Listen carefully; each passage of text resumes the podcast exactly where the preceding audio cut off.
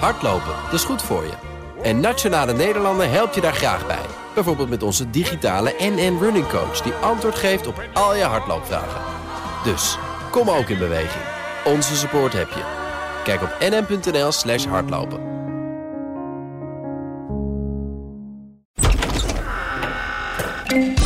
De belangen van Groningers zijn structureel genegeerd.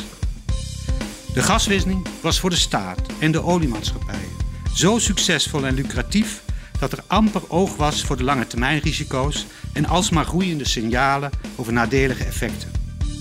Was hier tijdig naar geluisterd, dan had alles volgens de commissie anders kunnen verlopen. Maar de wereld van de beslissers en de wereld van de bewoners lagen mijlenver uit elkaar. Pas als de toezichthouder, de rechter en belangenorganisaties afdwingen dat er geluisterd moet worden, komen de staat en oliemaatschappijen langzaam in actie. Zo langzaam dat de gaswinning in Groningen uitgelopen is op een ongekend systeemfalen. Waarbij deze publieke en private partijen hun zorgplichten ernstig hebben verzaakt en hun license to operate verspeeld.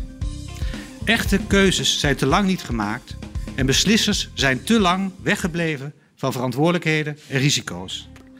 De gevolgen voor de Groningers kunnen alleen getypeerd worden als rampzalig. Een enorm zware doos. Opgehaald bij de ingang van de Tweede Kamer. Ik heb me laten vertellen dat het 2000 pagina's tekst is wat erin zit. Ja, hoeveel boeken hebben we hier? 1, 2, 3, 4, stukken 5. Ja. Dikke pillen. Eentje zo bijna 1500 pagina's. Ik heb ze nog niet allemaal gelezen was een hele aardige mevrouw bij de ingang, die fan blijkt te zijn van onze podcast. Ehm, maar die heeft ons nog een extra doos eh, gegeven. Dus we hebben twee exemplaren. Ah, gezellig. En twee uur de tijd gehad om dit een beetje door te bladeren. Uh, ja, we hebben lang niet alles gelezen. Dat is uh, wel helder, hè? Huiswerk voor ja, maar het weekend. Het boek 1, of eigenlijk ja, boek 1, conclusies en aanbevelingen. Die hebben we wel helemaal gelezen, uiteraard. En de, oh. andere, de andere delen hebben echt mooie poëtische titels. Zoals deel 2, feitenreconstructie. 1959, 2012.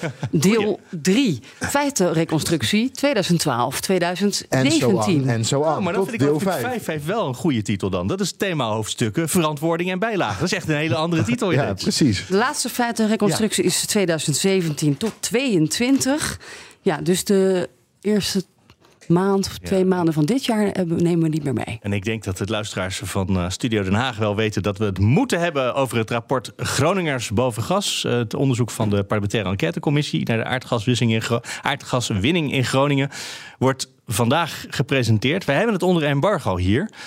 Top dus, secret. Uh, ja, precies. En we gaan als je nu deze podcast luistert, dan hoor je daar waarschijnlijk uh, Tom van der Lee al doorheen. Dat is de voorzitter van de commissie, want die heeft uh, voor ons nu uh, over ruim anderhalf uur in de toekomst daarover een presentatie gehouden ook. Um, Ik kan alvast één voorspelling doen. Ja? Over wat hij gaat zeggen. Hij gaat 100% zeker zeggen. Ik heb het vaak gezegd, ook bij ieder verhoor. 60 jaar gaswinning Groningen, Groningen heeft, Nederland... heeft Nederland veel gebracht. De gaswinning uit dit enorme veld leverde 363 miljard euro op voor de staatskas. Een belangrijke hefboom voor onze naoorlogse welvaart. Het leverde ook 66 miljard op voor Shell en ExxonMobil. Maar het heeft, de Groningers veel gekost. Daar begonnen alle verhoren van de uh, enquêtecommissie uh, over. Oh, mag ik nog een poëtisch stukje voorlezen? Tom van der Lee.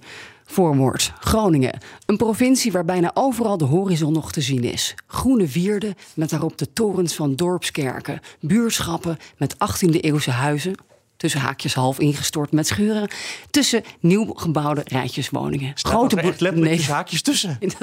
dat, dat, jij tussen haakjes toe? Dat zie ik nu in mijn, mijn hoofd. Het romantische beeld met al die uh, breuklijnen er doorheen. Ja. Die boerderij trouwens waar dit gepresenteerd wordt, in Zeerijpen, ook aardbevingsgebied, uh, is heel mooi opgeknapt. Dat is een prachtige locatie waar uh, de pers, de Tweede Kamer en, en ook de bewoners zich verzamelen om dit aan te horen. Ja, wij zouden vandaag in Groningen zitten, hebben we een paar weken terug in het opwelling in de podcast gezegd. En dat zouden we ook, waren we ook van plan. Maar toen was er ook ineens een breuklijn in mijn eh, sleutelbeen. En toen leek dat ineens heel onhandig om dat soort zaken te gaan doen. Goed, we zijn hier nu. Een uniek landschap in ieder geval. Boven op een van de grootste aardgasvelden ter wereld. Nou, op naar de conclusies. Tom van der Lee. Zonder nu uitputtend te zijn, noem ik een paar oorzaken. Allereerst is de ernst van de problemen in Groningen structureel onderschat. Niet alleen de NAM, Shell en ExxonMobil, maar ook onafhankelijke kennisinstellingen en experts ontkennen lange tijd dat de gaswinning in Groningen leidt tot aardbevingen. En als die erkenning er eindelijk is, domineert een tunnelvisie. En denkt men lang dat het met de maximale magnitude wel mee zal vallen. Ook worden de hoge grond, piekgrondversnellingen genegeerd. En dat is bepalend voor de schade aan het oppervlak. Terwijl de piekgrondversnelling van de beving in Zeerijp hier op drie kilometer diepte plaatsvindt, uh, was die piekgrondversnelling gelijk aan die van de zwaarste natuurlijke aardbeving in Nederland, die in 1992 plaatsvond in Roermond. Ook de omvang van de schade en de belasting die wisselende procedures op Groningers leggen, worden stelselmatig te laag ingeschat. Bovendien werden Groningers met wantrouwen bejegend en gaf de NAM blijk van onkunde, ontregeling en onwil. De omvang van de versterkingsoperatie werd tevens onderschat, net als de impact op betrokkenen. Want het is nogal wat als je huis versterkt moet worden, of zelfs helemaal gesloopt wordt. Als je tijdelijk moet verhuizen naar een huis dat niet van jou is, verder weg van je buren en vrienden, waarvan ook het huis wordt gesloopt. Of als je gezin tijdelijk verspreid wordt over verschillende wisselwoningen. Was de aardbevingsproblematiek vanaf het begin serieus genomen, dan had veel ellende voorkomen kunnen worden. De commissie vindt dat de ontstaande situatie met recht betiteld kan worden als rampzalig. Nou, dat is in ieder geval duidelijk. Het antwoord op de centrale vraag hoe deze situatie heeft kunnen ontstaan, ligt volgens de commissie in het feit dat de werelden van, de werelden van beslissers enerzijds en bewoners anderzijds strikt gescheiden zijn en totaal van elkaar verschillen. Dan, ja. dan gaan we nog eventjes door en dan Vervolgens, dit alles had volgens de commissie anders kunnen verlopen als er eerder geluisterd was naar de Groningers. Nou, dan hebben we hier toch wel het centrale probleem. En wat je dan ook leest is. Ja, wat was de vraag, de onderzoeksvraag van deze commissie ook weer? Zo, de exacte onderzoeksvraag. Ja, Pakken we die er even bij? Nou, een hele brede onderzoeksvraag, waardoor je dus daarom hebben we ook zo'n dik rapport nu. Nou, dan, als jij aan het zoeken bent, wil ik nog een klein stukje voorlezen, ondanks dat het niet mijn grootste talent is. De winning van aardgas was voor de staat en oliemaatschappijen zo succesvol en lucratief dat er amper oog was voor de lange termijn risico's en voor de steeds sterker wordende signalen uit de buitenwereld. Pas op het moment dat andere partijen afdwingen dat er geluisterd moet worden, komt er schoorvoetend verandering in de zaak. Door een combinatie van adviezen van toezichthouder staatstoezicht op de mijnen, maatschappelijke druk en uit, eh, maatschappelijke druk uit regio's en een uitspraak, en daar hebben we hem, want daar hebben we het vaker over gehad, van de Raad van State, besluit het kabinet tot stapsgewijze afbouw. Uiteindelijk wordt er zelfs voor gekozen om de gaskraan dicht te draaien. En dit herkennen we toch wel hè, bij de kabinet Rutte. Dat dat er een rechter nodig is voor de premier in beweging komt, wou je dat zeggen? Precies. Ja, dan uh, moet even denken, even als een terzijde aan een uh, de motie van de SGP, waar we het vorige week uh, in deze podcast over hadden. En waar sindsdien een kleine discussie over geëxplodeerd is. Dat het niet meer de bedoeling is dat mensen in het land zich zomaar gaan bemoeien met het nou, beleid. Nou, maar hier mag je wel bemoeien. In, maar dit, in dit rapport staat. Ja, nee, de, de, de, SGP vindt dat je minstens een paar duizend leden moet hebben. Zoals betalende de, leden. Zoals de, ja, betalende ook nog. Ja. Um, maar dus in dit rapport staat, omdat dat in het verleden wel altijd mogelijk is geweest. En tot de dag van vandaag ook Daardoor is het schandaal van de Groningse eh, aardbevingen boven water gekregen.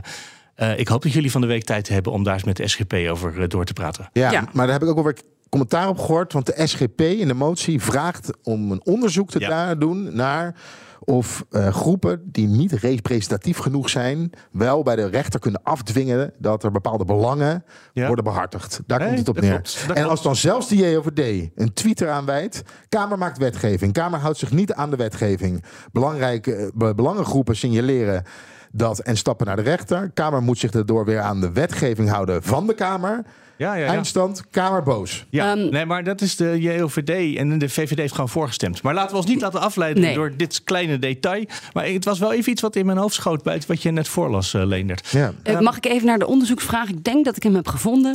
oh, dat is ook bemoedigend. Of in ieder geval het doel van het onderzoek. Ja. Waarheidsvinding, het verkrijgen van verklarend inzicht in de besluitvorming van de aardgaswinning. Dat gaat echt over een periode van, nou, het is het meer dan 60 jaar. Ja. Schadeafhandeling ook, versterking in Groningen. En dit maakt het mogelijk om te komen tot oordeelsvorming over de gehele periode en lessen te trekken. En de hoofdvraag is dus hoe is dat allemaal tot stand gekomen? Hè? Besluitvorming, schadeafhandeling, bladibladibla. bla. Welke belangen en afwegingen speelden een rol en hoe is hiermee omgegaan. Nou, we hebben de eerste aanwijzingen van Leendert net al gehoord. Een van de dingen die mij opviel in wat jij net beschreef, Leendert, is uh, die twee werelden. De, de wereld van de gaswinning en de wereld van de mensen. Ja, dan heb ik hier nog een citaat. Want het was namelijk niet alleen de overheid waar, uh, waar men pas in beweging komt op het moment dat er druk wordt uitgeoefend vanuit de samenleving en niet uit zichzelf. Ja. Druk uitoefenen of een moreel appel doen op de oliemaatschappijen oh nee. haalt niet veel uit. Uiteindelijk vinden zij onverwachte Achilleshiel bij de oliemaatschappijen. Het forceren van een gerechtelijke beslissing dat het Openbaar Ministerie moet onderzoeken of de NAM strafrechtelijk kan worden vervolgd. Dus ja, maar dat is dus wel logisch. de politiek, maar ook de bedrijven waren niet gevoelig voor druk uit de samenleving. Nou ja, ja neem eens goed dat ze beschrijven. Ook al is het misschien heel voor de hand liggend. Ja, ik denk dat is toch wel de taak van de overheid, denk ik. Maar goed, daar moet ik dan nou, even. Tegenwoordig zijn alle bedrijven bezig met MVO, maatschappelijk verantwoord ondernemen en dat soort hm. zaken. En hier nou. beschrijft dus dat bedrijven dat niet zijn en dat maatschappelijke druk ook niet zoveel uitmaakt dan. Het ligt nog wel een beetje gevoelig, hè? De wet maatschappelijk verantwoord ondernemen. Ja, dat is nog weer wat anders. Maar het hele concept uh, maatschappelijk verantwoord ondernemen, dat gaat echt al meer dan tien jaar mee. Dat, die, die twee werelden, die Leendert net beschreef, Sophie. Uh, volgens mij had jij, uh, toen je zat te bladeren, jij veerde op bij het woord stille eh, stille maatschap, stille vennootschap? Ja, de kern eigenlijk van het probleem. Weet je zo'n bedrijf? Zou je, zou je kunnen zeggen, van, is dat het gasgebouw, dus de, de, hoe dit is georganiseerd. Een soort van ja, publiek-privaat. Dat is zijn de organisaties, hè? de NAM en de Shell en de, de, de Exxon en de regering. Uh, dus dat, dat is het virtuele gasgebouw. Ja, de constructie die is gekozen om uh, deze maatschap Um, om, om het gas te winnen, uh, voor die, er zit ruim 450 miljard euro die we eraan hebben verdiend. Um, een stille maatschap. Dus eh, totaal niet transparant. Een constructie die tot heel kort geleden eigenlijk geheim was. Onbekend.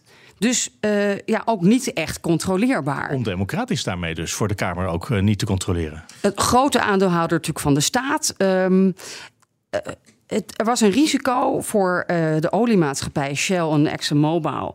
Um, uh, dat, ja, dat andere, die andere delen van de wereld konden, mochten niet in gevaar komen. Het risico is dat andere landen een vergelijkbaar aandeel in de exploitatie gaan opeisen. Ah, er werd hier in Nederland de werd er Nederlandse staat. En daarom was het geheim. heel veel geld. En ze hoopten dat ze in de rest van de wereld met een lagere bijdrage uit konden. Ja, dus, dus ook in de Tweede Kamer was dit niet bekend. Nou ja, jij en ik wisten het niet. Nee, ik ehm, heb Kamerleden echt uh, zien. Nou ja, zoals je uh, bij de kindertoeslagenschandaal ook hebt gezien. Dat er dan eindeloos aan de minister werd gevraagd. Uh, maar wij willen informatie over wat er nou precies gebeurt en hoe alles in elkaar steekt. En dat de minister gewoon zei: Sorry, dat is geheim. Nee, dat is bedrijfsgevoelige informatie, kan ik u niet delen. Nou, je hebt voor in het, in het boekje staan wat het, wat het de Nederlandse staat heeft opgeleverd, Sophie. Als je helemaal naar de. Ja, 350 miljard ongeveer. Ja. Ja. En om eventjes dan ook weer uh, naar geld toe te gaan. 350 miljard, dat was vroeger echt heel veel geld. Hè? Tegenwoordig denken we daar, uh, valt wel mee. Ongeveer de jaarlijkse begroting van het kabinet, ongeveer. Ja. Voor één jaar al het geld in heel Nederland. We hebben het natuurlijk altijd over de miljoenennota. Dat is omdat we gewend waren 10, 20 jaar geleden. En dit gaat over 60 jaar, uh, dit onderzoek. We waren gewend om in miljoenen te denken per ministerie en niet in miljarden. Maar goed, dus, dus wat er in dat gasgebouw uh, gebeurde, was dus een wereld op zich. En daar waren dus hoge ambtenaren van het ministerie van Economische Zaken druk bezig uh, met dus de partijen Shell, Exxon, de, de andere aandeelhouders. Uh, en niemand had daar grip op eigenlijk. Zelfs de, uh, de uh, politici, de ministers, werden best wel op afstand gehouden. Blijkt uit dit rapport. dus, Heel veel documenten die niet bij het ministerie van Algemene Zaken of van Economische Zaken niet bij de minister terechtkomen. Dus we hebben de minister Kamp gezien, hè, minister Wiebes. We hebben natuurlijk Mark Rutte gezien in de parlementaire enquête. Um, die ja, die dus door hun eigen hoge ambtenaren ook niet echt op de hoogte werden gehouden van wat daar nou speelde. Dus uh, hebben de, de, ambtenaren hebben die het gedaan in dit rapport? Ja, iedereen heeft het gedaan, is mijn indruk. Maar nou, hebben de ambtenaren echt een uh, meer dan gemiddelde, zware, slechte rol gespeeld? Nou, er zijn heel veel schuldigen in dit verhaal die we kunnen aanwijzen volgens dit rapport. Uh, inderdaad, de, de ambtenarij, Maar ja, die zijn ook alweer onschendbaar natuurlijk, hè? Ja, ja, die hebben natuurlijk die hele, dat gasgebouw opgetuigd onder politieke verantwoordelijkheid. Ja, maar je, je moet eigenlijk het hele ministerie van EZK moet je, moet je onder Economische de loep nemen. zaken. Toen, Ja. niet, toen zonder klimaat. Want hè, wat belangrijk was, was de leveringszekerheid. En dan staat hier ook leverings, leveringszekerheid als eh, rookgordijn. En dat stond echt met stip op nummer één. Eh, de, de korte termijn. Dus dat we op het moment dat er een koude winter was, dat iedereen gewoon gas had. Maar ook de lange termijn belangen, het verkoop aan het buitenland, dat stond absoluut voorop. En dan werd er, van, eh, dan werd er binnen EZK, op een gegeven moment waren het eigenlijk de ambtenaren die de afspraken maakten. En ja, zo nu en dan de minister daarvan op de hoogte stelde. Eh, maar ja, het was duidelijk wat er moest gebeuren. Er moest, de, de inkomsten moesten blijven, moesten blijven stromen Ja. richting, eh, richting het ministerie. Eh, en Ik zolang las die ambtenaren daarvoor een zorgden. interessante passage over. Want je denkt bij leveringszekerheid, denk je nu aan... eh, oh, misschien draaien de Russen het gas wel dicht en dan zitten we in de kou. Maar het was eigenlijk niet eens dat stuk van de leveringszekerheid. Omdat Nederland zo'n ongelooflijk zeer betrouwbare leverancier is... konden wij hogere prijs voor het gas vragen. En dus de leveringszekerheid was, gewoon een- was eigenlijk was een inkomensoverweging. Van, oh, dan kan je er meer voor vragen voor het gas. Nou, dan verdienen we er meer aan. Dat is natuurlijk wat iedereen wel weet, dat het allemaal ging over geld. Maar dus ook leveringszekerheid ging niet over... eh, zitten we er warm bij, maar eh, krijgen we wel voldoende inkomsten. De Ja. focus ligt bij alle partijen in het gasgebouw dan ook primair op de opbrengst van de gaswinning. Eigenlijk is het eh, zo simpel samen Ja. te vatten. Ja, ook heel belangrijk in de crisisjaren natuurlijk. Hè, na de financiële crisis, dus na 2008, 2009, was dat geld keihard nodig om de begrotingen rond te krijgen in Den Ik kan daar ook een stukje over voorlezen. Ik ben vandaag de grote voorleesmoeder in deze podcast. Wanneer minister Kamp van Economische Zaken, en dan hebben we het over de gaswinning in 2014. Op advies van het staatstoezicht van de mijnen eerst een plafond voorstelt voor 40 miljard kuubmeter gas, dreigt minister Dijsselbloem van Financiën of dringt minister Dijsselbloem van Financiën aan op een hogere winning. En dan komt het dus neer op 2,5 miljard kuub, omdat dat nodig is voor, hè, voor de ook voor de staatskast. Het gemak waarmee de minister van Financiën de kwaliteit van het advies van de toezichthouder ter discussie stelt en de inhoud ervan naast zich neerlegt, kan niet rekenen op begrip van de commissie. Oh, ik, ik snap er wel iets van. We hadden net de financiële crisis gehad. De euro was bijna omgevallen. Europese Unie daarmee bijna omgevallen. Eh, het waren de jaren dat alle zwembaden en alle bibliotheken werden wegbezuinigd in Nederland. Eh, de hele jeugdzorg moest naar de gemeente, want dat was vast goedkoper. Eh, er was in Nederland wel iets aan de hand. Ja, maar het was ook net nadat de grote beving was geweest. 2012 zeker. Ja. Het was twee jaar daarna. In Dat Huizingen. In ja, Huizingen. Ook middenin, hè, de crisistijd. Ja. En daarvan, eh er zijn eh, iedereen is schuldig in dit verhaal. Zoals we net al zeiden. Ook het staatstoezicht op de mijnen krijgt ervan langs. Dat die pas zo laat aan de bel trekken. Dat het mis is met die aardbeving. Dus na die aardbeving, die zware, van wat is het bijna 3,5 ongeveer op de schaal van Richter. 3,9, 3,6? Ik weet het niet meer. Ja. Nou, Groningen- we hebben zoveel cijfers gezien vandaag, sorry. Groningen beeft. Ehm, eh, ja, komt er dan toch de vraag: mag eh, die gaswinning alsjeblieft omlaag? Want dit is een probleem, dit is een risico dat wij tot nu toe nog niet zo sterk hadden, hadden gezien. Wat blijkt, hebben we ook tijdens die enquête gezien. Ja, er, zijn, er is helemaal geen geologische kennis eigenlijk hè, bij, eh, Die is op een goed moment gekomen. Maar nog bij, even bij de over, toezichthouder. Dus, dus die trekken ook wel laat aan de bel in dit verhaal. Ook een van de redenen waarom het zo laat pas op de politieke agenda wordt gezet. Nou, en wat ook de reden is dat het laatste politieke agenda staat, dat wil ik wel even benoemd hebben hier. Op het moment dat Wiebes aan de gang gaat met de gaswinning en dat terug gaat schroeven. Eh, dat is maar een paar jaar na 2014, wanneer Dijsselbloem zich zo druk maakte over die extra miljarden. Op dat moment, omdat het veel beter gaat met de economie, is het percentage dat de gasopbrengsten oplevert in de staatskast, in het totaal, is veel lager. Dat is lange tijd 5% van de totale begroting. En dat neemt op een gegeven moment af richting 2020. Om even aan te geven hoe ongelooflijk belangrijk gas is geweest, ook voor onze parlementaire geschiedenis. Het kabinet van 8-2 in 1981 81, ja. kon alleen maar tot stand komen door de gaskraan verder open te draaien. Er moest 4 miljard kuub extra gas moest er opgewekt worden omdat anders eh, ze de begroting niet rond zouden krijgen voor dat nieuwe kabinet. En anders was het kabinet van 8-2 er helemaal niet gekomen. Wiebes, nog even. eh, Ja. ook een interessante passage. eh, gaat ook over deels eh, tot het eh, terugdraaien hè, van die, of het sluiten op in 2030 toen nog, van de gaskraan. Uh, omdat hij de versterkingsoperatie daarmee probeert te beperken. Dus hij hoopt dat daarmee die uit de hand gelopen uh, nou ja, toestand met die huizen en die scheuren, dat dat dan minder erg wordt en, en beter ja. uh, aan te pakken is. Dat mislukt volledig. Ja, want de aardbevingen gaan gewoon nog een hele tijd door. Ook dat. en... Maar ook moeten er nieuwe berekeningen worden gemaakt van oké, dus als we het dan toch sluiten in 2030, dan betekent dat, wat betekent dat dan voor de versterkingsoperatie? Dan gaan waarschijnlijk ambtenaren weer aan de slag. Intussen, alle ingenieursbureautjes, die hebben dan geen, geen werk meer. Het ligt stil. En die gaan weg, lopen weg en gaan ergens anders huisjes Enorme vertragingen. Knappen. Dus ook dat ja. Eh, levert weer bij aan die vertraging in, de, dus dit is met de, beste bedoelingen. Net hadden we nog grote bedrijven die uh, misschien van kwaadaardige grijzucht of zo zou kunnen betichten. Maar dit was een minister die gewoon die dacht: ik ga dit met de beste bedoelingen proberen te verbeteren. Maar niet. Ja, daar, daar lijkt het op. En ook onbedoeld is hier heel erg veel misgegaan. En wat ook over Wiebes gezegd wordt, is dat hij de eerste minister is die de regie daadwerkelijk terugpakt op het ministerie. En ik blijf gewoon eventjes voorlezen, want uh, zoals we al gezegd hebben, het ministerie van Economische Zaken speelt een cruciale rol in de besluitvorming over gaswinning. Sommige ambtenaren hebben behalve de taak uh, om een minister te ondersteunen een zelfstandige po positie binnen het gasgebouw. Dit monopolie bij het ministerie van Economische Zaken leidt er dan ook toe dat er lange tijd geen of onvoldoende oog was voor andere publieke belangen dan de financiële belangen en de leveringszekerheid. Dat kwam de oliemaatschappijen goed uit.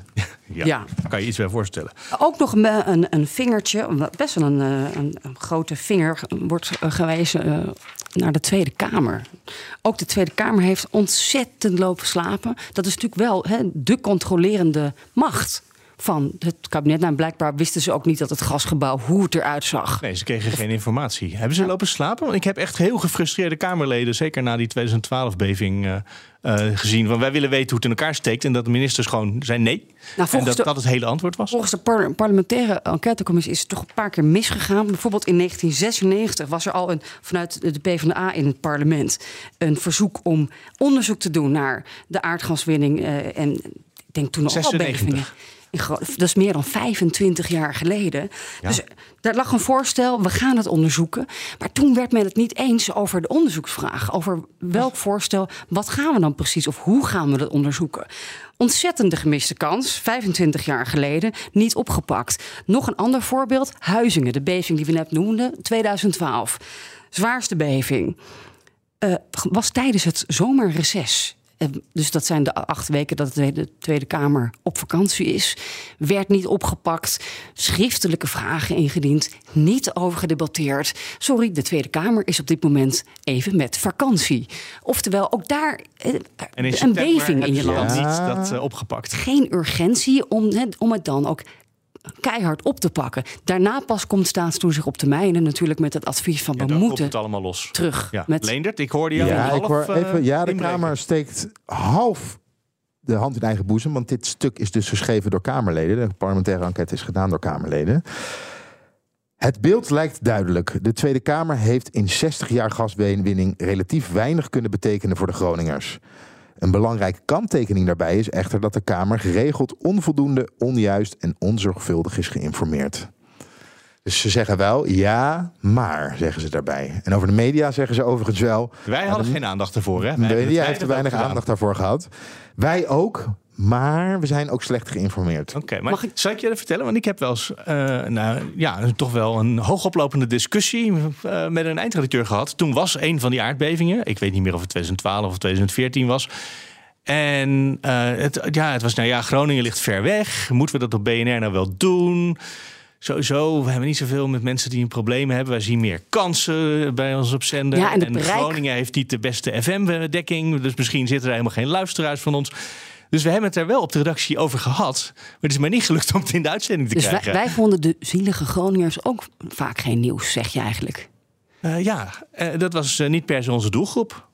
Hmm. Nou, sorry bij deze. Ook de media, ja. althans BNR, biedt zijn excuses ja, maar aan. Ik weet ook dat dat dus wel toch tot, tot discussies heeft geleid ook. Maar vooral, er was op een goed moment ging over Twitter ging een videootje rond. Dus het moet 14 zijn, want 2012 was een beetje vroeg voor Twitter, denk ik. Um, er had iemand dan een videootje gemaakt met al de aardbevingen die in Groningen geweest waren. Met kleinere en grotere gele stipjes, afhankelijk van hoe heftig. En toen ik dat zag, toen dacht ik, jeetje, dit is echt zo vaak, zoveel. Daar moeten we het over hebben. Maar het was geen argument, het is me niet gelukt. Of het waren er misschien te veel, want dan is er ook geen nieuws. dat is waar, op een goed moment. Want ik las dus nu dat er 600 aardbevingen geweest zijn. Ja, ik dacht 1600. Ja. Kan je nagaan. Maar ik las, nou ja, ik las net 600, maar het maakt niet eens uit. Eh, de, de eerste vijf zijn misschien nieuws, maar 16e, 100ste aardbeving is natuurlijk geen nieuws. Ja, en we dachten ook van ja, ach, en zo'n zo'n scheurtje in je, in, je, in je muur of in je plafond. Nee, dat heb ik. Nee, nee dat, Was, dat hebben we niet gebagatelliseerd. Iets te veel, nou, dat weet ik niet, maar daarvoor heb ik er iets te veel meegemaakt. Weliswaar andere typen dan hier, maar toch, ja. Uh, iemand die trouwens wel werd geïnformeerd. Dat is een mooi bruggetje misschien naar premier Mark Rutte. Ja, ik heb weer een stukje dat kan voorlezen. Oh, ik ook. Welk stukje heb jij? Minister-president nou, stuurt niet bij. Sophie voorleest. Oh. nou ja, uh, het ging in de, in de enquête uh, vorig jaar ook over een uh, geheimzinnige memo. Een briefje van Shell-topman Van Beurden aan premier Mark Rutte. Met alsjeblieft, doe nou even gewoon wel gas winnen en niet, niet die kranen langzaam dicht. En dat briefje, ja, dat was eigenlijk kwijt. Ja, op daar hadden we geen. Uh, net we konden het niet reconstrueren. niet, niet gearchiveerd, hè? Maar het staat hier in het rapport. Kijk, voor de liefhebbers uh, drie. Dus feitelijk reconstructie 2012, 2017 op pagina 884. Ja. En dan staat erboven voor min AZ slash MP only. Hmm. Nou, en dan. Uh, maar daar is het niet terecht gekomen. Nou, dat is het grappige. Ze zeggen dus van ja, de onderzoekers zeggen, de commissie, Rutte heeft deze memo nooit ontvangen. Maar hij is wel aangekomen dus op het ministerie van Algemene Zaken. Die hebben dat moeten uh, leveren toen de commissie onderzoek deed en stukken ging opvragen. En dan staat er dus, nou, uh, CEO Shell Ben van Beurden zou graag contact met MP Rutte hebben om zorgen over te brengen rondom dossier Groningen slash NAM. En dan gaat het om de volgende punten. Winningsplan en reactie uit de Tweede Kamer verbaasd over de reactie van de VVD. Hmm, de VVD is wel erg kritisch. Misschien moest Mark Rutte daar ook iets aan doen. Uh, trend van productieverlaging. Zorgen over. Commitment MP Rutte aan 27 miljard kuub. Dat was het minimum waar, waarop je volgens Shell technisch en zonder verlies zou kunnen leveren op een ordentelijke manier. Economische positie, aandeelhouders slash herverdeling. Uh, zo gaat het nog een tijdje door hoor. Um, in ieder geval de vraag of Mark Rutte het kon toezeggen dat ze niet onder de 27 miljard kuub zouden, zouden raken.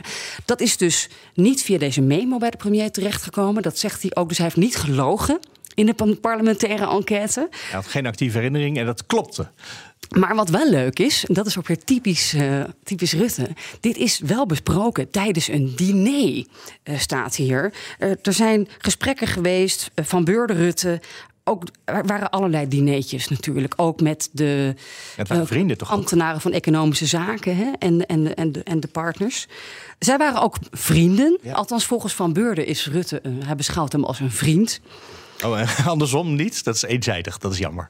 Maar de, de enquêtecommissie gaat er dus vanuit dat uh, deze informatie zeker wel uh, tijdens een diner bij Rutte terecht is gekomen. En, en dat hij er wel degelijk van wist. Dit verzoek lag er. En hij heeft ook een toezegging gedaan. Van prima, meneer Van Beurden. voor u regelen. 27 kuub komt voor elkaar. Ik ga dat regelen. Dan ga ik weer eventjes... Waar, uh, waar jij Leender in het begin uh, op aansloeg. Dat de, de premier die probeert alles zo lang mogelijk hetzelfde te houden. Die probeert niet in te grijpen. Ja, en ik kan er eventjes naartoe lezen. Zelfs naar dit voorbeeld. Uh, het kopje. Minister-president stuurt niet bij en maakt daarmee niet het verschil. Alle belangrijke besluiten over de gaswinning in Groningen vinden sinds begin 2013 in de ministerraad plaats. Dat betekent dus, waar we het eerder over hadden, dat het een beetje op ESTK gebeurde. Nee, nu gebeurt het ook gewoon in de ministerraad.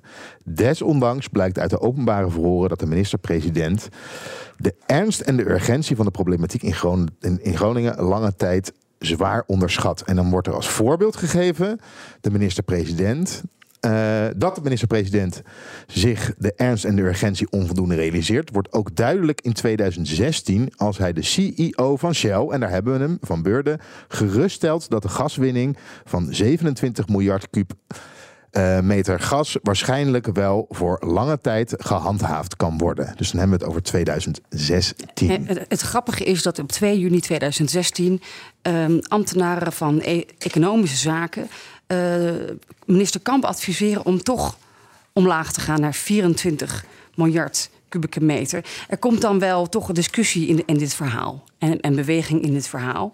Ehm, maar nou ja, goed. Hoe is het ook weer met Kamp, jongens? Ik heb het niet helemaal scherp, maar dat ging over die 40. Eh, die Ja, 40 de of 50. Ja, Kamp kreeg ruzie met Dijsselbloem. Dat was in 2014 was dat. Ja, dat was daarvoor. Ja, uiteindelijk in, de loop van de jaren is Kamp wel gaan draaien. Dat het, eh, van, dat het vast niveau nodig was. Naar dat het ook ineens eh, wel afgevlakt kon worden. Of afgevlakt af, eh, dat het elk jaar minder zou kunnen Ja, worden. maar de vraag is toch een beetje waar ik net ook op aanstuurde.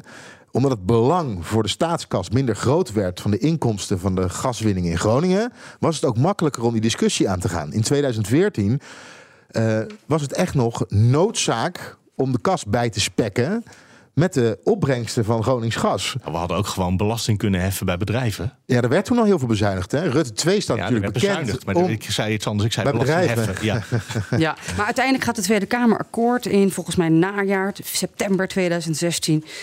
Het, het gaat omlaag. Dat, dat gebeurt wel, ondanks dus het diner tussen Van Beurden en Rutte. Eh, Rutte heeft iets toegezegd wat hij uiteindelijk helemaal niet waar kon maken. Maar dat wat- zal blijken. hoe moeten we dit nu, dit eerste deel, hè, de conclusies, hoe, hoe vatten we dat nou goed samen? Gaan de koppen rollen? Ik denk het niet. dat, dat is niet de samenvatting van dit, eh, Nee. dit Nou, rapport. wordt weinig. Onjuist, onvolledig en eh, ontijdig geïnformeerd. Wat zei je? Eh, zoiets? Premier Rutte. Ja, nee, de Kamer. Die, de, Kamer, dus door, ja. eh, door ministers in het algemeen. Dat is meestal, nou dat was vroeger een doodzonde. Maar dat is toch de minister van Economische Zaken? Ja, dat, eh, maar dan kom je toch weer bij Hans Velbrieven uit Maar natuurlijk. daarvan. Ja, Niemand wil af van veilbrief. Want dat is nou juist volgens mij iemand waar ze in Groningen wel een beetje vertrouwen in hebben. Ja, hij belooft de gaskraan volgend jaar dicht te draaien. Dus hij is juist de oplossing van het probleem, denk ik. Volgens de Groningers. Maar goed, ja, dat moeten we nog maar zien, hè? of dat staats- echt gaat gebeuren. Staatssecretaris eh, Eh, is namens het ministerie van eh, Economische Zaken nu verantwoordelijk. Dus hij zou dan ook, als er consequenties uitgetrokken worden, moet hij dat doen en niet minister Mickey de Adriaans. minister-president. Of de, ja. Maar ja, die krijgt geen eh, goede recensie in dit, in dit verhaal, toch? Nee. De Kamer kan natuurlijk ook aftreden, maar dat is een heel raar figuur. Ik denk niet dat er eh, iemand gaat aftreden. En eh, volgens Nee. mij zitten de Groningers daar ook niet op te wachten. Die willen gewoon dat hun huizen sneller worden versterkt. En Staat eh, daar iets over in? over hoe je dat kunt. Nou, ik vind de, de aanbevelingen nogal, nogal vaag eigenlijk. Want natuurlijk, het moet allemaal meer de menselijke aanpak. En het moet allemaal versneld en, allemaal, en beter. Maar hoe dan? Dat is de, Ja. grote vraag. Dit is al heel vaak aangekondigd ook. Oh, dat is trouwens een patroon wat ik ook op een paar plekken zag. Eh, op een goed moment beginnen mensen door te krijgen dat het misgaat. En dan zegt iedereen sorry, maar dan verandert er niks. In 2019 zei Ja. Rutte al sorry. Hè? Op een goed moment zijn er, eh, blijken er eh, aardbevingen te zijn. En dan komt er een onderzoek. En daar staat in, jazeker, er zijn aardbevingen. En die zijn heftiger dan u kon weten tot nu toe. En dan zegt hij, oh, en dan gebeurt er niks. Dat is een beetje wat ik ook met dit rapport vrees. Dat er dan staat, ja, de Groningers moeten beter geholpen worden. Die zeggen, ja, dat is wel een goed idee. Nou ja, en Mark, dat er dan niks gebeurt. dit, eh, bij de aanbevelingen, en het wordt de eerste Los het schuld, op, de had gewoon, Los het op. los het op met een uitroepteken. Ja, maar kom op, dat, daar staat toch al, eh, dit, dit gaat niet veranderen. Nou, dat, is, en- dat, dat betekent dat uitroepteken, toch? Aanbeveling 1. Maak schadeafhandeling voor bewoners milder, makkelijker en menselijker. Ja. Oh, ik vind deze wel Maar goed. is- ik vind aanbeveling 6 van een goeie. Die had ik nog niet gelezen. Eh vergroot de rol van het publieke belang binnen departementen. Dat is dus een goed idee. Dat je eigenlijk dus de, hè, ook de, de belangenorganisatie, de Groninger Bodembeweging, een, een tak, aftakking krijgt in het ministerie van Economische Zaken of zo. ja. Eh, maar de, dat, want dat is natuurlijk wel vaak het probleem in Den Haag. Dat het niet gaat over mensen. Dus Ja, dat meer blijkt- mensen Nou, in, bij de staat een ambtenarij. heel mooi voorbeeld van ook in. Want we hebben zo allemaal door die vijf boeken heen gebladerd. En je hoort dat we allemaal zo onze eigen stukjes hebben gevonden. En dat leggen we als een soort puzzel nu bij elkaar. Ehm daar stond er op, in het begin zei jij, Leendert, eh, de situatie is een ramp of rampzalig. Hè? Dat. Ja. En eh, deze onderzoekscommissie van Kamerleden, die is één keer het woord rampzalig bij het ministerie van Economische Zaken tegengekomen. Dat was op het moment dat de ACM de NAM een boete wilde opleggen. En dat zou 400 miljoen kosten. En dat zou rampzalig zijn. En toen heeft de minister Verhagen, die heeft die boete van tafel gepraat. En die heeft toen wat toezeggingen gedaan. En dus toen heeft de NAM die boete toch niet opgelegd. Dat was rampzalig. En dat ging niet over Groningen. Dat was die twee werelden. De wereld van het geld en van de ministeries en van de Groningse gaswinning. En de wereld van de gewone mensen. Die hebben op hele andere momenten dingen heel hij rampzalig zegt- gevonden. Ja, gewoon een, eigenlijk die twee werelden, één van die twee werelden heeft genoeg geprofiteerd. En dat, Ja. dat is de staat, maar dat zijn ook alle mensen die niet in Groningen wonen. Hè? Want daar wordt ook wat over gezegd. En nu heb je de tweede, de tweede wereld, dat zijn gewoon de Groningers. En dit is een heel lang verhaal om te zeggen, erken het leed dat er in Groningen heeft plaatsgevonden. Nou, daar zijn nu 2000 pagina's over geschreven. Dus dat kunnen we toch wel zeggen dat erkenning van het leed wel absoluut wel aanwezig is op dit moment. In ieder geval bij de Tweede Kamer. Straks gaan we horen wat de mensen van de regering hiervan zeggen. Of die het allemaal omarmen. Om te het omarmen. En dan is punt twee. En Ja, dan moet er, eh, de, de hersteloperatie eh, moet vlot getrokken worden. Ehm, huizen moeten versterkt worden. Eh, en dat Ja. moet op een snel, op een korte termijn moet dat gaan gebeuren. De deadline is nu 2028. Dat is nog vijf jaar wachten. Even geduld, alstublieft. Eh, Dus dat is een van de aanbevelingen ook. Versnel die, eh, die operatie. Ja, maar daar zijn de Ehm, afgelopen maanden debatten over geweest in de Tweede Kamer. En uh, Veilbrief zegt, sorry, dat kan niet. Ja, het klinkt een beetje als de, niet te beloven. als de toeslagenaffaire. Dat Ja. het, ze willen het wel, maar het lukt niet met de Ja, uitvoering. sorry, we zijn er niet toe in staat. Eh, ander puntje, biedt toekomstperspectief aan de regio. Daar hadden wij de commissaris van de Koningin eh, over, over op zender, vanochtend op BNR. Die zei, je moet eigenlijk iets doen waardoor heel Nederland jaloers wordt op Groningers. Wat zou dat zijn? Dus, ehm, nou ja, je, eh, Een extra wordt verdieping op de Martini-toren. Nee, ik bedoel, wat... wat eh, geen idee. Maar- Nou, we hebben natuurlijk over, hè, er is natuurlijk het verhaal van de infrastructuur. Hè, dus misschien een lelielijn, zodat je een hoge snelheidstrein hebt naar de Randstad, waar wel werk is. Ehm, eh, do- ja, doe, Maar daarvan is uitgerekend dat er veel meer mensen vanuit eh, de Randstad naar Groningen verhuizen. Waardoor je daar ineens verdozing met allemaal nieuwbouwwijken moet krijgen. Waardoor Groningen niet meer dat prachtige idyllische landschap wat je net aan het begin beschreef blijft. Dus de vraag is of dat de Groningers gelukkig maakt, zo'n treinlijn. Ja, en ik gun ze die van harte hoor. Als ze die willen, moeten ze die krijgen. Maar eh, misschien dat dat eh, niet oplevert wat ze hopen of denken. Maar investeer in die regio. Dus hè, creëer daar misschien bedrijvigheid. ja, doe iets met natuur. Maak het daar hier eh, extra. Wie is dat? Een zwembad, een bibliotheek of een buurthuis of een ontmoetingsplek voor bewoners. Nou Weet je ja, wat oliebedrijven publieke doen? voorzieningen. Weet je wat oliebedrijven doen? Als die ergens een nieuw project hebben en dan willen ze de buurt willen ze meekrijgen in hun project, dan bouwen ze daar vaak een bibliotheek of soms een zwembad. Dat is echt precies de strategie van de, van de oliewinning en de gaswinning. Oh, een lichtpuntje is trouwens dat de, de, de basisscholen in Groningen eh, beter en nieuwer zijn dan waar ook in Nederland. Dus die zijn wel. Dus dat is wel gelukt. Die versterkingsoperatie is wel gelukt. Complimenten daarvoor. Eh, zorg dat er genoeg geld is. Versterk de rol van de toezichthouder. Want dat is natuurlijk wel misgegaan in dit verhaal. Ehm, Eh, maar we hebben dus zoveel schuldigen op het ogenblik. Als ik het maar even gewoon zo onparlementair mag zeggen. Is dit een iedereen is schuldig, dus niemand is schuldig?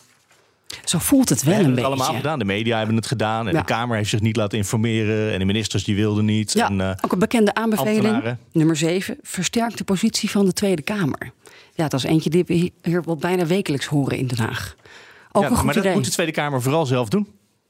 Ja, dat is het hoogste orgaan. Die gaan er zelf over. En eh, belangrijk voor de BNR-luisteraar, geef toekomstig publiek-private samenwerking beter vorm. Dus niet meer zo schimmig doen, achter de schermen, ja, met zo'n stille stille maatschap. vennootschap of een stille maatschap. Ja. Ja, gewoon transparantie AUB. Die zou je sowieso moeten verbieden, toch?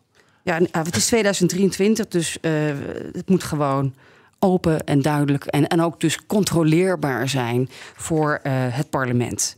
Heb- En zijn we verrast door iets wat we gelezen hebben vandaag? Eigenlijk niet heel Deze erg. de vraag stel ik omdat ik het antwoord voor mezelf met nee beantwoord. Maar hebben jullie nog iets gezien van... Oh, nou ja, nu weet ik iets. Nee. Da- Dan, Nee, is, het meer, dan is het meer de, de psychologische heling van de Groninger bevolking... die hiermee de erkenning krijgt met eh, eh, de 15 of 20 centimeter papier... eh, een jaar lang onderzoek of twee jaar lang onderzoek. Moeten we wel zeggen dat we nog niet alles gelezen hebben. Bij lange na niet. Nee, nee, nee. Dat Collega's zitten nu met veel ons. grotere redacties. Zitten ze nu dit allemaal door te kammen. Ik weet zeker dat ze bij het eh, AD en bij Telegraaf en bij de NOS iedereen vrij hebben gemaakt. Iedereen krijgt 100 pagina's en dat kammen ze dan door. En dan zou het maar zomaar eens kunnen dat er wel iets uitgepikt wordt. En wat wel echt ontvlambaar is. Ja, waar Ja. wij eh, misschien dan de komende uren nog aan toekomen. Maar Ik zoek staat nog een stukje- erop. Ik zoek nog eens, welke pagina stond de memo ook weer? Wat zei ik nou? 884? dat weet ik niet meer. Ik, ik las nog iets smeuigs. Ik, ik ben even op zoek naar nieuws, jongens. Oh ja, ik heb nog- één fragment uit van over die memo aan Rutte. Eh, dat komt uit Anne van een, Beurden van Shell. ja, dat komt uit eh, een e-mail. Eh, zelfs indien het gesprek van Beurde Rutte niet tot stand zou komen binnen de benodigde termijn, hebben we dus een kanaal om Rutte op de juiste kennisstand te brengen om zijn rol als primus inter pares in het kabinet te kunnen vervullen. Zo kijkt Shell daar dan naar, hè? Hey, ik denk dat we het er even bij eh, later wat Groningen betreft voor deze week. We hebben nog nooit 40 minuten over één onderwerp gesproken. En vandaag hebben we dat wel. Dat zegt ook al iets over hoe belangrijk wij het vinden. Er is nog iets. We hebben een oorlog in eh, Oekraïne. Van een situatie dat onderschat is, jarenlang, gaan we naar een situatie dat absoluut niet onderschat is. Vanaf Oh, ja. moment één al niet. Vorig jaar werd ik heel vroeg in de ochtend geappt door de woordvoerder van de minister-president. Kom naar Algemene Zaken toe, want we hebben een persconferentie. En vanaf dat moment is, zowel in politiek Den Haag, maar natuurlijk ook in heel Europa en zeker in Oekraïne, de wereld letterlijk veranderd. En ja, Oekraïne heeft hier toch wel het afgelopen jaar en alle gevolgen van de oorlog met stip op één gestaan. Eh, Tot de dag van vandaag. Tot de dag van vandaag. Iemand die het trouwens wel een klein beetje zag aankomen, misschien wel meer nog dan onze eigen Bernard Hammelburg, onze buitenlandcommentator, was eh, het VVD-Kamerlid, toen nog best wel kerstvers, Ruben Brekelmans, die al vroeg aan twitteren was en met moties kwam van: hey, kabinet, pas op, er staan allemaal legertroepen aan die grens met Oekraïne. En, eh, en let een beetje op, op de ambassadeurs ook en doe iets. Eh, zullen we hem even bellen? Lijkt mij een heel goed idee. Ruben Brekelmans. Hallo. Hey, eh, Tweede Kamerlid van de VVD. Ehm, ik, ik vond. eh, waar was je eigenlijk een, één jaar geleden? Precies toen eh, de inval in Oekraïne plaatsvond. Nou, ik zat die ochtend bij Goedemorgen Nederland. Eh, en de uitzending ging natuurlijk ook over Oekraïne. Eh, maar we wisten niet voordat, nou ja, de, de avond daarvoor wisten we natuurlijk niet dat die nacht de invasie zou plaatsvinden. Dus ik had de wekker extra vroeg gezet om te kijken, is er die nacht iets gebeurd? Eh, en toen bleek dat nou daadwerkelijk Rusland op verschillende plekken Oekraïne grootschalig was binnengevallen. Ja, vanaf dat moment is de, is de achtbaan in gang gezet. En wat wel heel bijzonder was natuurlijk, om, was het om die ochtend om het live ook op tv meteen te, eh, te duiden wat er allemaal gebeurde. Jij was een van de Kamerleden die, die al iets aanvoelde komen, had ik de indruk. Eh druk bezig op Twitter. Ehm, eh, waar was jij mee bezig? Al in, in 2000, wat was het, 21 volgens mij. Ehm, toen je nog maar net in de Kamer zat eigenlijk. Ja, klopt. Het komt het, het allereerste debat dat ik had als Kamerlid. eh, dat was in aanloop naar een Europese raad waar de minister van Buitenlandse Zaken aan deelnam. En dat was in april 2021. En wat toen prominent op de agenda stond, waren grote eh, schalige Russische militaire oefeningen die plaatsvonden aan de grens met Oekraïne. Eh, en toen werd gezegd van nou, als zo'n die oefeningen die vinden wel vaker plaats, dus dat in het voorjaar is dat niet zo heel erg vreemd. Eh, maar ik ben me er vanaf dat moment wel in gaan verdiepen. van wat zit hier nu achter, wat gebeurt daar precies. En toen in het najaar van 2021, toen die oefeningen wederom plaatsvonden, maar in nog grotere aantallen en ook in Belarus eh, en ook op andere plekken. Ja, dat was wel heel erg vreemd, want dat was nog niet eerder gebeurd. Eh, en toen ik daar met experts over sprak en ook eh, nou, met deskundigen die daarover schreven, toen dacht ik wel, ja, dit is, dit is zo opmerkelijk, hier moet meer achter zitten. En, vanaf dat moment ben ik ook steeds het kabinet gaan waarschuwen van, nou, wees je nou voorbereid, neem voorzorgsmaatregelen, denk alvast na over sanctiepakketten. Eh, en ik merkte wel dat in vergelijking met sommige andere collega's, eh, dat ik daar inderdaad wel een paar stappen in vooruit liep. Ja, bijvoorbeeld Jasper van Dijk van de SP. Ik kan me nog herinneren in debatten vlak voor de oorlog. Dat Jasper van Dijk vooral zei: ga nou niet in die oorlogsretoriek mee, maar zet in op de-escaleren. Ehm, was hij dan een van die collega's waar u net op doelde?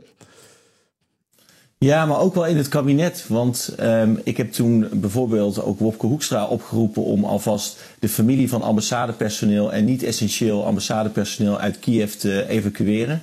Nou, dat is uiteindelijk wel gebeurd, maar dat eh, kostte best nog wel wat tijd.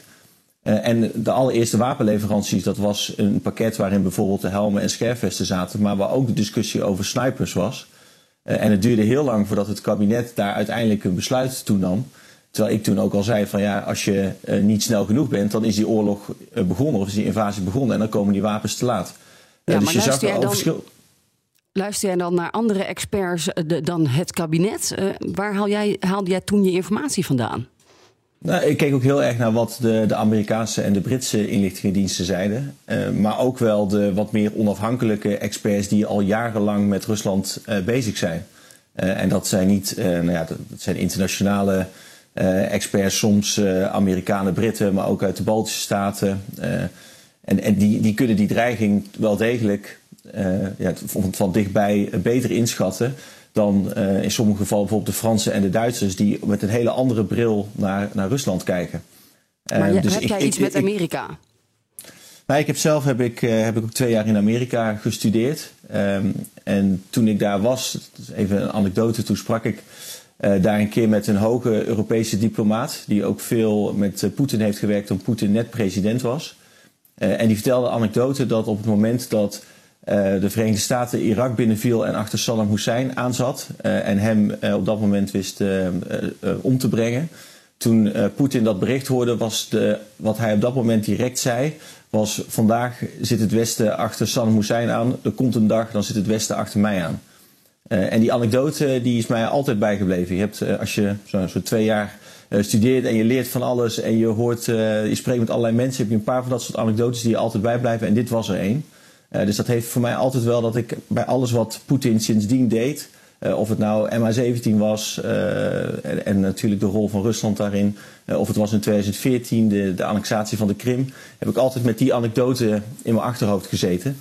En dat was ook in, nou, bij die troepenopbouw in aanloop naar de invasie vorig jaar. Vraag van Leendert. Ja, nou, dit, dit, duurt weer lang, maar ik ga het wel doen. Het doet me zo denken aan het einde van de 80-jarige oorlog, waarin de Republiek dacht. ja, het verhaal van Ruben, Re, van Ruben Brekelmans net. Hè. Europa waande zich veilig na het eind van de Koude Oorlog. Dat gebeurde ook na de 80-jarige oorlog. De Republiek dacht: eindelijk geen oorlog meer. Wat gaan we doen? Zeker Amsterdam had veel geld gestopt in de defensie van Nederland. We gaan het eventjes laten rollen. 80-jarige oorlog voorbij, vrede. En uh, defensie is even niet meer belangrijk. En toen kwam het rampjaar. Uh, Zo'n twintig jaar later. En dat doet me heel erg denken aan het eind van de Koude Oorlog en nu. Het is eigenlijk precies hetzelfde is er gebeurd. We dachten, hè hè, oorlog voorbij. Defensie niet meer belangrijk, gaan we niet meer in investeren. En kijk eens waar we nu staan. Ja, en, en eens. En die fout die mogen we dus ook nooit meer maken. En we hebben hem inderdaad toch weer gemaakt. Uh, maar ja, hadden onder leiding van een historisch premier, hè? of een premier-historicus. ja, maar het is natuurlijk het eind terug. Maar als dit de voorbode is van wat er verder nog gaat gebeuren hierna. Nou, uh, na, na 1672 is er nog wel wat gebeurd in Europa. Dus laten we hopen dat het wel wat uh, rustiger blijft. Oh, vertel, Leendert. Ja, ja nou, wat wereldoorlogen en zo. Maar, Oei. Nou ja, en, en, daarom zijn wij ook, misschien heel concreet, maar we zijn er ook voorstander van om die 2% uitgave aan defensie, om die wettelijk vast te leggen. Uh, zodat ook als er in de toekomst weer, of het nou vanwege een economische crisis, maar weer druk ontstaat om minder uit te geven aan defensie. En dat we wettelijk met elkaar hebben besloten voor onze veiligheid is het echt nodig dat we niet uh, door die bodem zakken. We zouden nog heel lang door kunnen gaan. Er zijn ook allerlei vragen die nu weer in me opkomen. Maar laten we dat niet doen. Ruben Brekkelmans van de VVD, hartelijk dank. Graag gedaan. Tot volgende week. Dankjewel. Leen, dat jij hebt zo vast nog iets leuks voor op het einde. Mhm. Zeker, ja, verklap het nog niet. Uh, er was van de week ook nog een ander uh, interessant rapport wat gepresenteerd werd. Ik weet niet of jullie de kans hebben gekregen om dat ook nog te lezen. Dat was echt aanmerkelijk dunner. 115, 120 pagina's. Over wat er nou precies gebeurd is bij de formatie van het huidige kabinet. Ja, de formatie. Of de evaluatie van de formatie. Een jaar lang gesteggel en vertrouwenscrisis. Ja, ik denk één foto, functie elders, toch? Ja, nee, het is echt heel veel ingewikkelder. Um, Vertel. Uh, dus een van, eh, de, een van de zaken die. die uh, ik, ik pak even de, gewoon de adviezen erbij. Want we gaan niet nog dat andere rapport ook zo helemaal uitgebreid bespreken zoals dit. Uh, een van de adviezen die is, als je nou toch weet dat het de vorige keer een jaar duurt en de keer daarvoor was er ook een tijdsrecord gebroken, misschien moet je dan de uh, formatie steeds uh, opdelen in periodes. De Kamer geeft iemand een opdracht met een deadline en dan kom je terug en dan kom je vertellen wat je gedaan hebt, wat het heeft opgeleverd en dan kan de Kamer daarover debatteren. dat heeft allerlei voordelen. Namelijk bijvoorbeeld ook dat de rol van de Kamer weer wat helderder wordt. Daar gaan we het ook zo nog over hebben. Maar eerst even hoe de voorzitter van de commissie, Carla van Balen, dat beschreef. En onze aanbeveling luidt: introduceer deadlines in de formatieprocedure. Concreter geformuleerd, verbind termijnen aan de opdrachten van informateurs, zodat fases in de formatie niet eindeloos kunnen voortduren. Als de deadline is bereikt, nou ja, eerder, eerder mag natuurlijk ook. Maar als die is bereikt, dan wordt een eindverslag bij de Kamer ingediend. De Kamer voert vervolgens over dat verslag een debat en verstrekt dan een nieuwe opdracht aan een informateur of aan een formateur. De voordelen zijn evident. Het voorkomt eindeloze informatiefases. Het geeft de Kamer meer controle over het proces. En het creëert meer duidelijkheid over de voortgang. En aldoende bijkomend voordeel, blijft er ook spanning op het proces zitten en blijft de urgentie behouden. Ja, want je moet steeds in de Kamer komen uitleggen wat je bereikt hebt in de afgelopen drie weken of twee weken, hoeveel tijd je ook hebt gekregen. Maar gaat dit werken? Nou, er, want, zijn, uh, er zijn mensen die erin geloven en er zijn ook mensen die er niet in geloven. Want dan krijg je dus hè, die, bijvoorbeeld de afgelopen formatie, die discussie van nee, we willen niet met de linkse wolk en nee, we willen niet met de ChristenUnie. En dan heeft ze de deadline, die verloopt morgen en dan ja? Dan, want het is natuurlijk een, een machtsspel. Het is natuurlijk een strijd van wie houdt het, het langst vol. De macht. Maar stel je voor dat je na twee weken terug moet komen. Sorry, we hebben de afgelopen week alleen maar met elkaar gesteggeld over de vraag of we nou wel of niet met de linkse wolk willen. Dat is echt gênant. Dus daar zit dan die spanning. En daar moet je dan als uh, coalitie, je moet dan iets vertellen. En de verkenner komt iets vertellen of de, eh, de, informateur komt iets vertellen. Dus jij denkt dat het wel kan werken? Nou, ik eh, ben heel nieuwsgierig naar het experiment hiermee. En ik denk niet dat het gaat gebeuren, want ik oh. denk dat de politici die erover gaan hier niet aan willen. Nee, dat nou. denk ik ook niet eigenlijk. Want dan... Het is wel het advies van de commissie. Ik denk dat, stel dat ze nu zeggen dat ze er wel aan willen, dat op het moment dat ze daadwerkelijk aan het formeren zijn, ik hoor het Rutte zo al zeggen. Ja. Nee, alles moet geheim blijven voor goede onderhandeling. Nee. Ja, ik heb, uh, ik heb een lijstje in mijn hoofd. Maar um, het duurt nog eventjes we kunnen nu nog geen informatie geven. Nee, dat klopt. Uh, nou ja, dat is wat er deze keer gebeurde. Maar op het moment dat je de informateur, die laat je terugkomen naar de Kamer. En de informateur is niet de formateur, en die is niet de premier. Dus die heeft net een andere woordkeuze. En die heeft misschien net wat meer vrijheid om wel hardop te zeggen wat er niet gebeurd is. En Johan Remkes wil nu echt niet meer. Dus dat is ook een probleem. Die zou dit denk ik ook niet een goed idee vinden. Maar, we hebben uh, Herman Schenk Willing tot nog steeds. Ja, de volgende keer gaat misschien wel iemand anders het doen. Dat is ook een van de adviezen. Om het misschien iemand, iemand te laten doen die net wat meer afstand heeft. Die wat meer boven de partijen staat om die reden. Hoewel er ook weer mensen. Het is allemaal een heel erg enerzijds anders uit het rapport. Er is een andere. Uh, natuurlijk een paar jaar geleden deed de koning de, die begeleiden de formatieprocedure. En op een moment is de koning uit de procedure gehaald. En toen moest de Kamer regie nemen. En niemand weet wat dat betekent. Blijkt uit het onderzoek van deze commissie. Uh, ik ga zo een klein stukje van het rapport. Want yes, jij mag voorlezen, alleen dat mag mhm. het ook. Maar laat ik eerst nog even van Balen horen. Het heeft de evaluatiecommissie verbaasd dat daarover zoveel onduidelijkheid bestaat. We troffen de meest uiteenlopende opvattingen daarover aan. Dus wat het nu betekent dat de Tweede Kamer als instituut de verantwoordelijkheid voor het verloop van de formatie van de koning heeft overgenomen. Onze aanbeveling luidt: Kamer, voer het debat daarover. Lijkt mij een heel goed advies. Sommige geïnterviewden zeiden in het rapport eenvoudigweg niet te weten wat die regierol van de Kamer inhoudt. Uh, sommige anderen uh, opperden een aantal taken of werkzaamheden die volgens hen mogelijk tot de regierol behoorden. Uiteenlopend van het organiseren van de eerste bijeenkomst van fractievoorzitters na verkiezingsdag. En het opstellen van kwaliteitscriteria voor informateurs. Of het stellen van termijnen aan de werkzaamheden van de informateur en het opvragen van informatie. Weer anderen hadden juist een uitgesproken opvatting over de betekenis van de regie door de Kamer. En sommigen wezen daarbij op het primaire belang van de plenaire inhoudelijke debatten. Dat is allemaal regie hebben als je het inhoudelijk doet. Anderen zeggen weer dat het niet inhoudelijk kan. Er zijn ook heel wat Kamerleden die zeggen dat de Kamer uh, überhaupt geen regie kan nemen. Staat op de volgende pagina ineens. Dat blijkt trouwens de meerderheid te zijn. Uh, dus de Kamer moet de regie nemen, maar stelt zelf vast dat kunnen wij niet. Daarom het advies: Kamer, voer hierover het debat met elkaar. Misschien moeten we toch maar de koning. Ik ben geen royalist, maar de koning vragen of hij het stokje wil overnemen. Daar is ook geen meerderheid meer voor. Dat schijnt niemand te willen. Oh. Dat is gevraagd en uh, in het rapport staat, dat willen we niet meer. Wat een bende. Nou, ja, dan moeten we nog over twee jaar waarschijnlijk verkiezingen. Hè? Dan uh, gaat, het, uh, gaat het weer beginnen. Ja, tenzij nu na het rapport over Groningen... de regering toch besluit de eer aan zichzelf te houden... en we over een paar weken al verkiezingen hebben. Ja.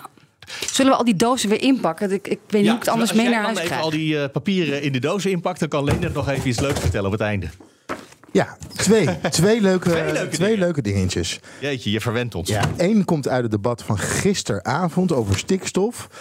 Eigenlijk gistermiddag was dat nog. Daar werd namelijk door Vera Bergkamp, een PVV'er, aangekondigd als lid van Partij voor de Dieren. Ja. De heer Kops van de Partij voor de Dieren. En hij Hoorde het. corrigeerde En hij het. zei het niet. Hij corrigeerde het niet. Vond ik opvallend. Ze leert het ook nooit, hè, Vera Bergkamp. En eh, ik sprak deze week het kerstverse Kamerlid Julian Bushoff van de Partij van de Arbeid in de Tweede Kamer. Want er was me namelijk iets opgevallen bij hem. Hij doet alles uit zijn hoofd. Meneer Bushoff, net nieuw in de Tweede Kamer. Ik heb je een paar keer bezig gezien en wat me opvalt, alles uit het hoofd. Ja, klopt. Ja, die traditie die, eh, had ik eigenlijk al in de Groningse gemeenteraad waar ik vandaan kom. En die wou ik eigenlijk wel voortzetten in de Kamer. En dat spreekt ook wat makkelijker. En het is ook leuker voor het debat. Want dan kun je net wat beter misschien wel reageren op je collega's. In plaats van dat je een spreektest voor je hebt. Dus eh, zolang het goed gaat, eh, hou ik het graag uit het hoofd. Ja, en hoe zorg je er dan voor dat je niet net even die punchline vergeet waar het precies om draait? Nou, de truc is eigenlijk dat je gewoon probeert om een heldere en makkelijke boodschap over te brengen. Dat is denk ik altijd goed in de politiek, zodat mensen nog snappen waar je het over hebt. Dus dan verzin ik voor mezelf gewoon, dit zijn de twee of drie punten die ik wil maken. Nou, en ik ben nog jong, dus dat kan ik goed onthouden.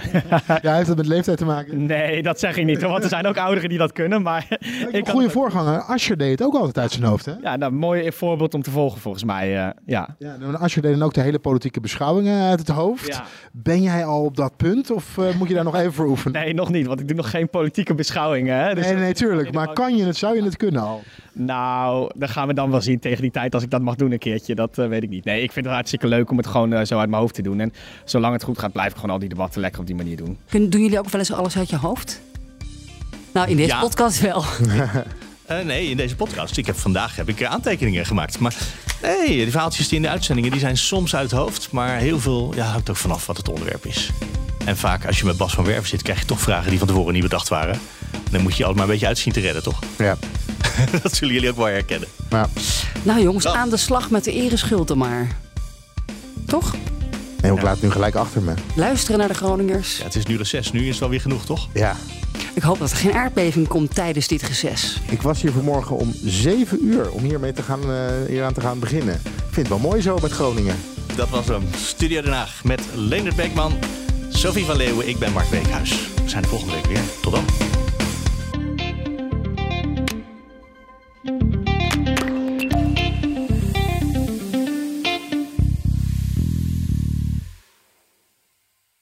Business Booster. Hey ondernemer, KPN heeft nu Business Boosters. Deals die jouw bedrijf echt vooruit helpen. Zoals nu, zakelijk tv en internet, inclusief narrowcasting... de eerste 9 maanden voor maar 30 euro per maand. Beleef het EK samen met je klanten in de hoogste kwaliteit. Kijk op kpn.com slash businessbooster. Business Booster.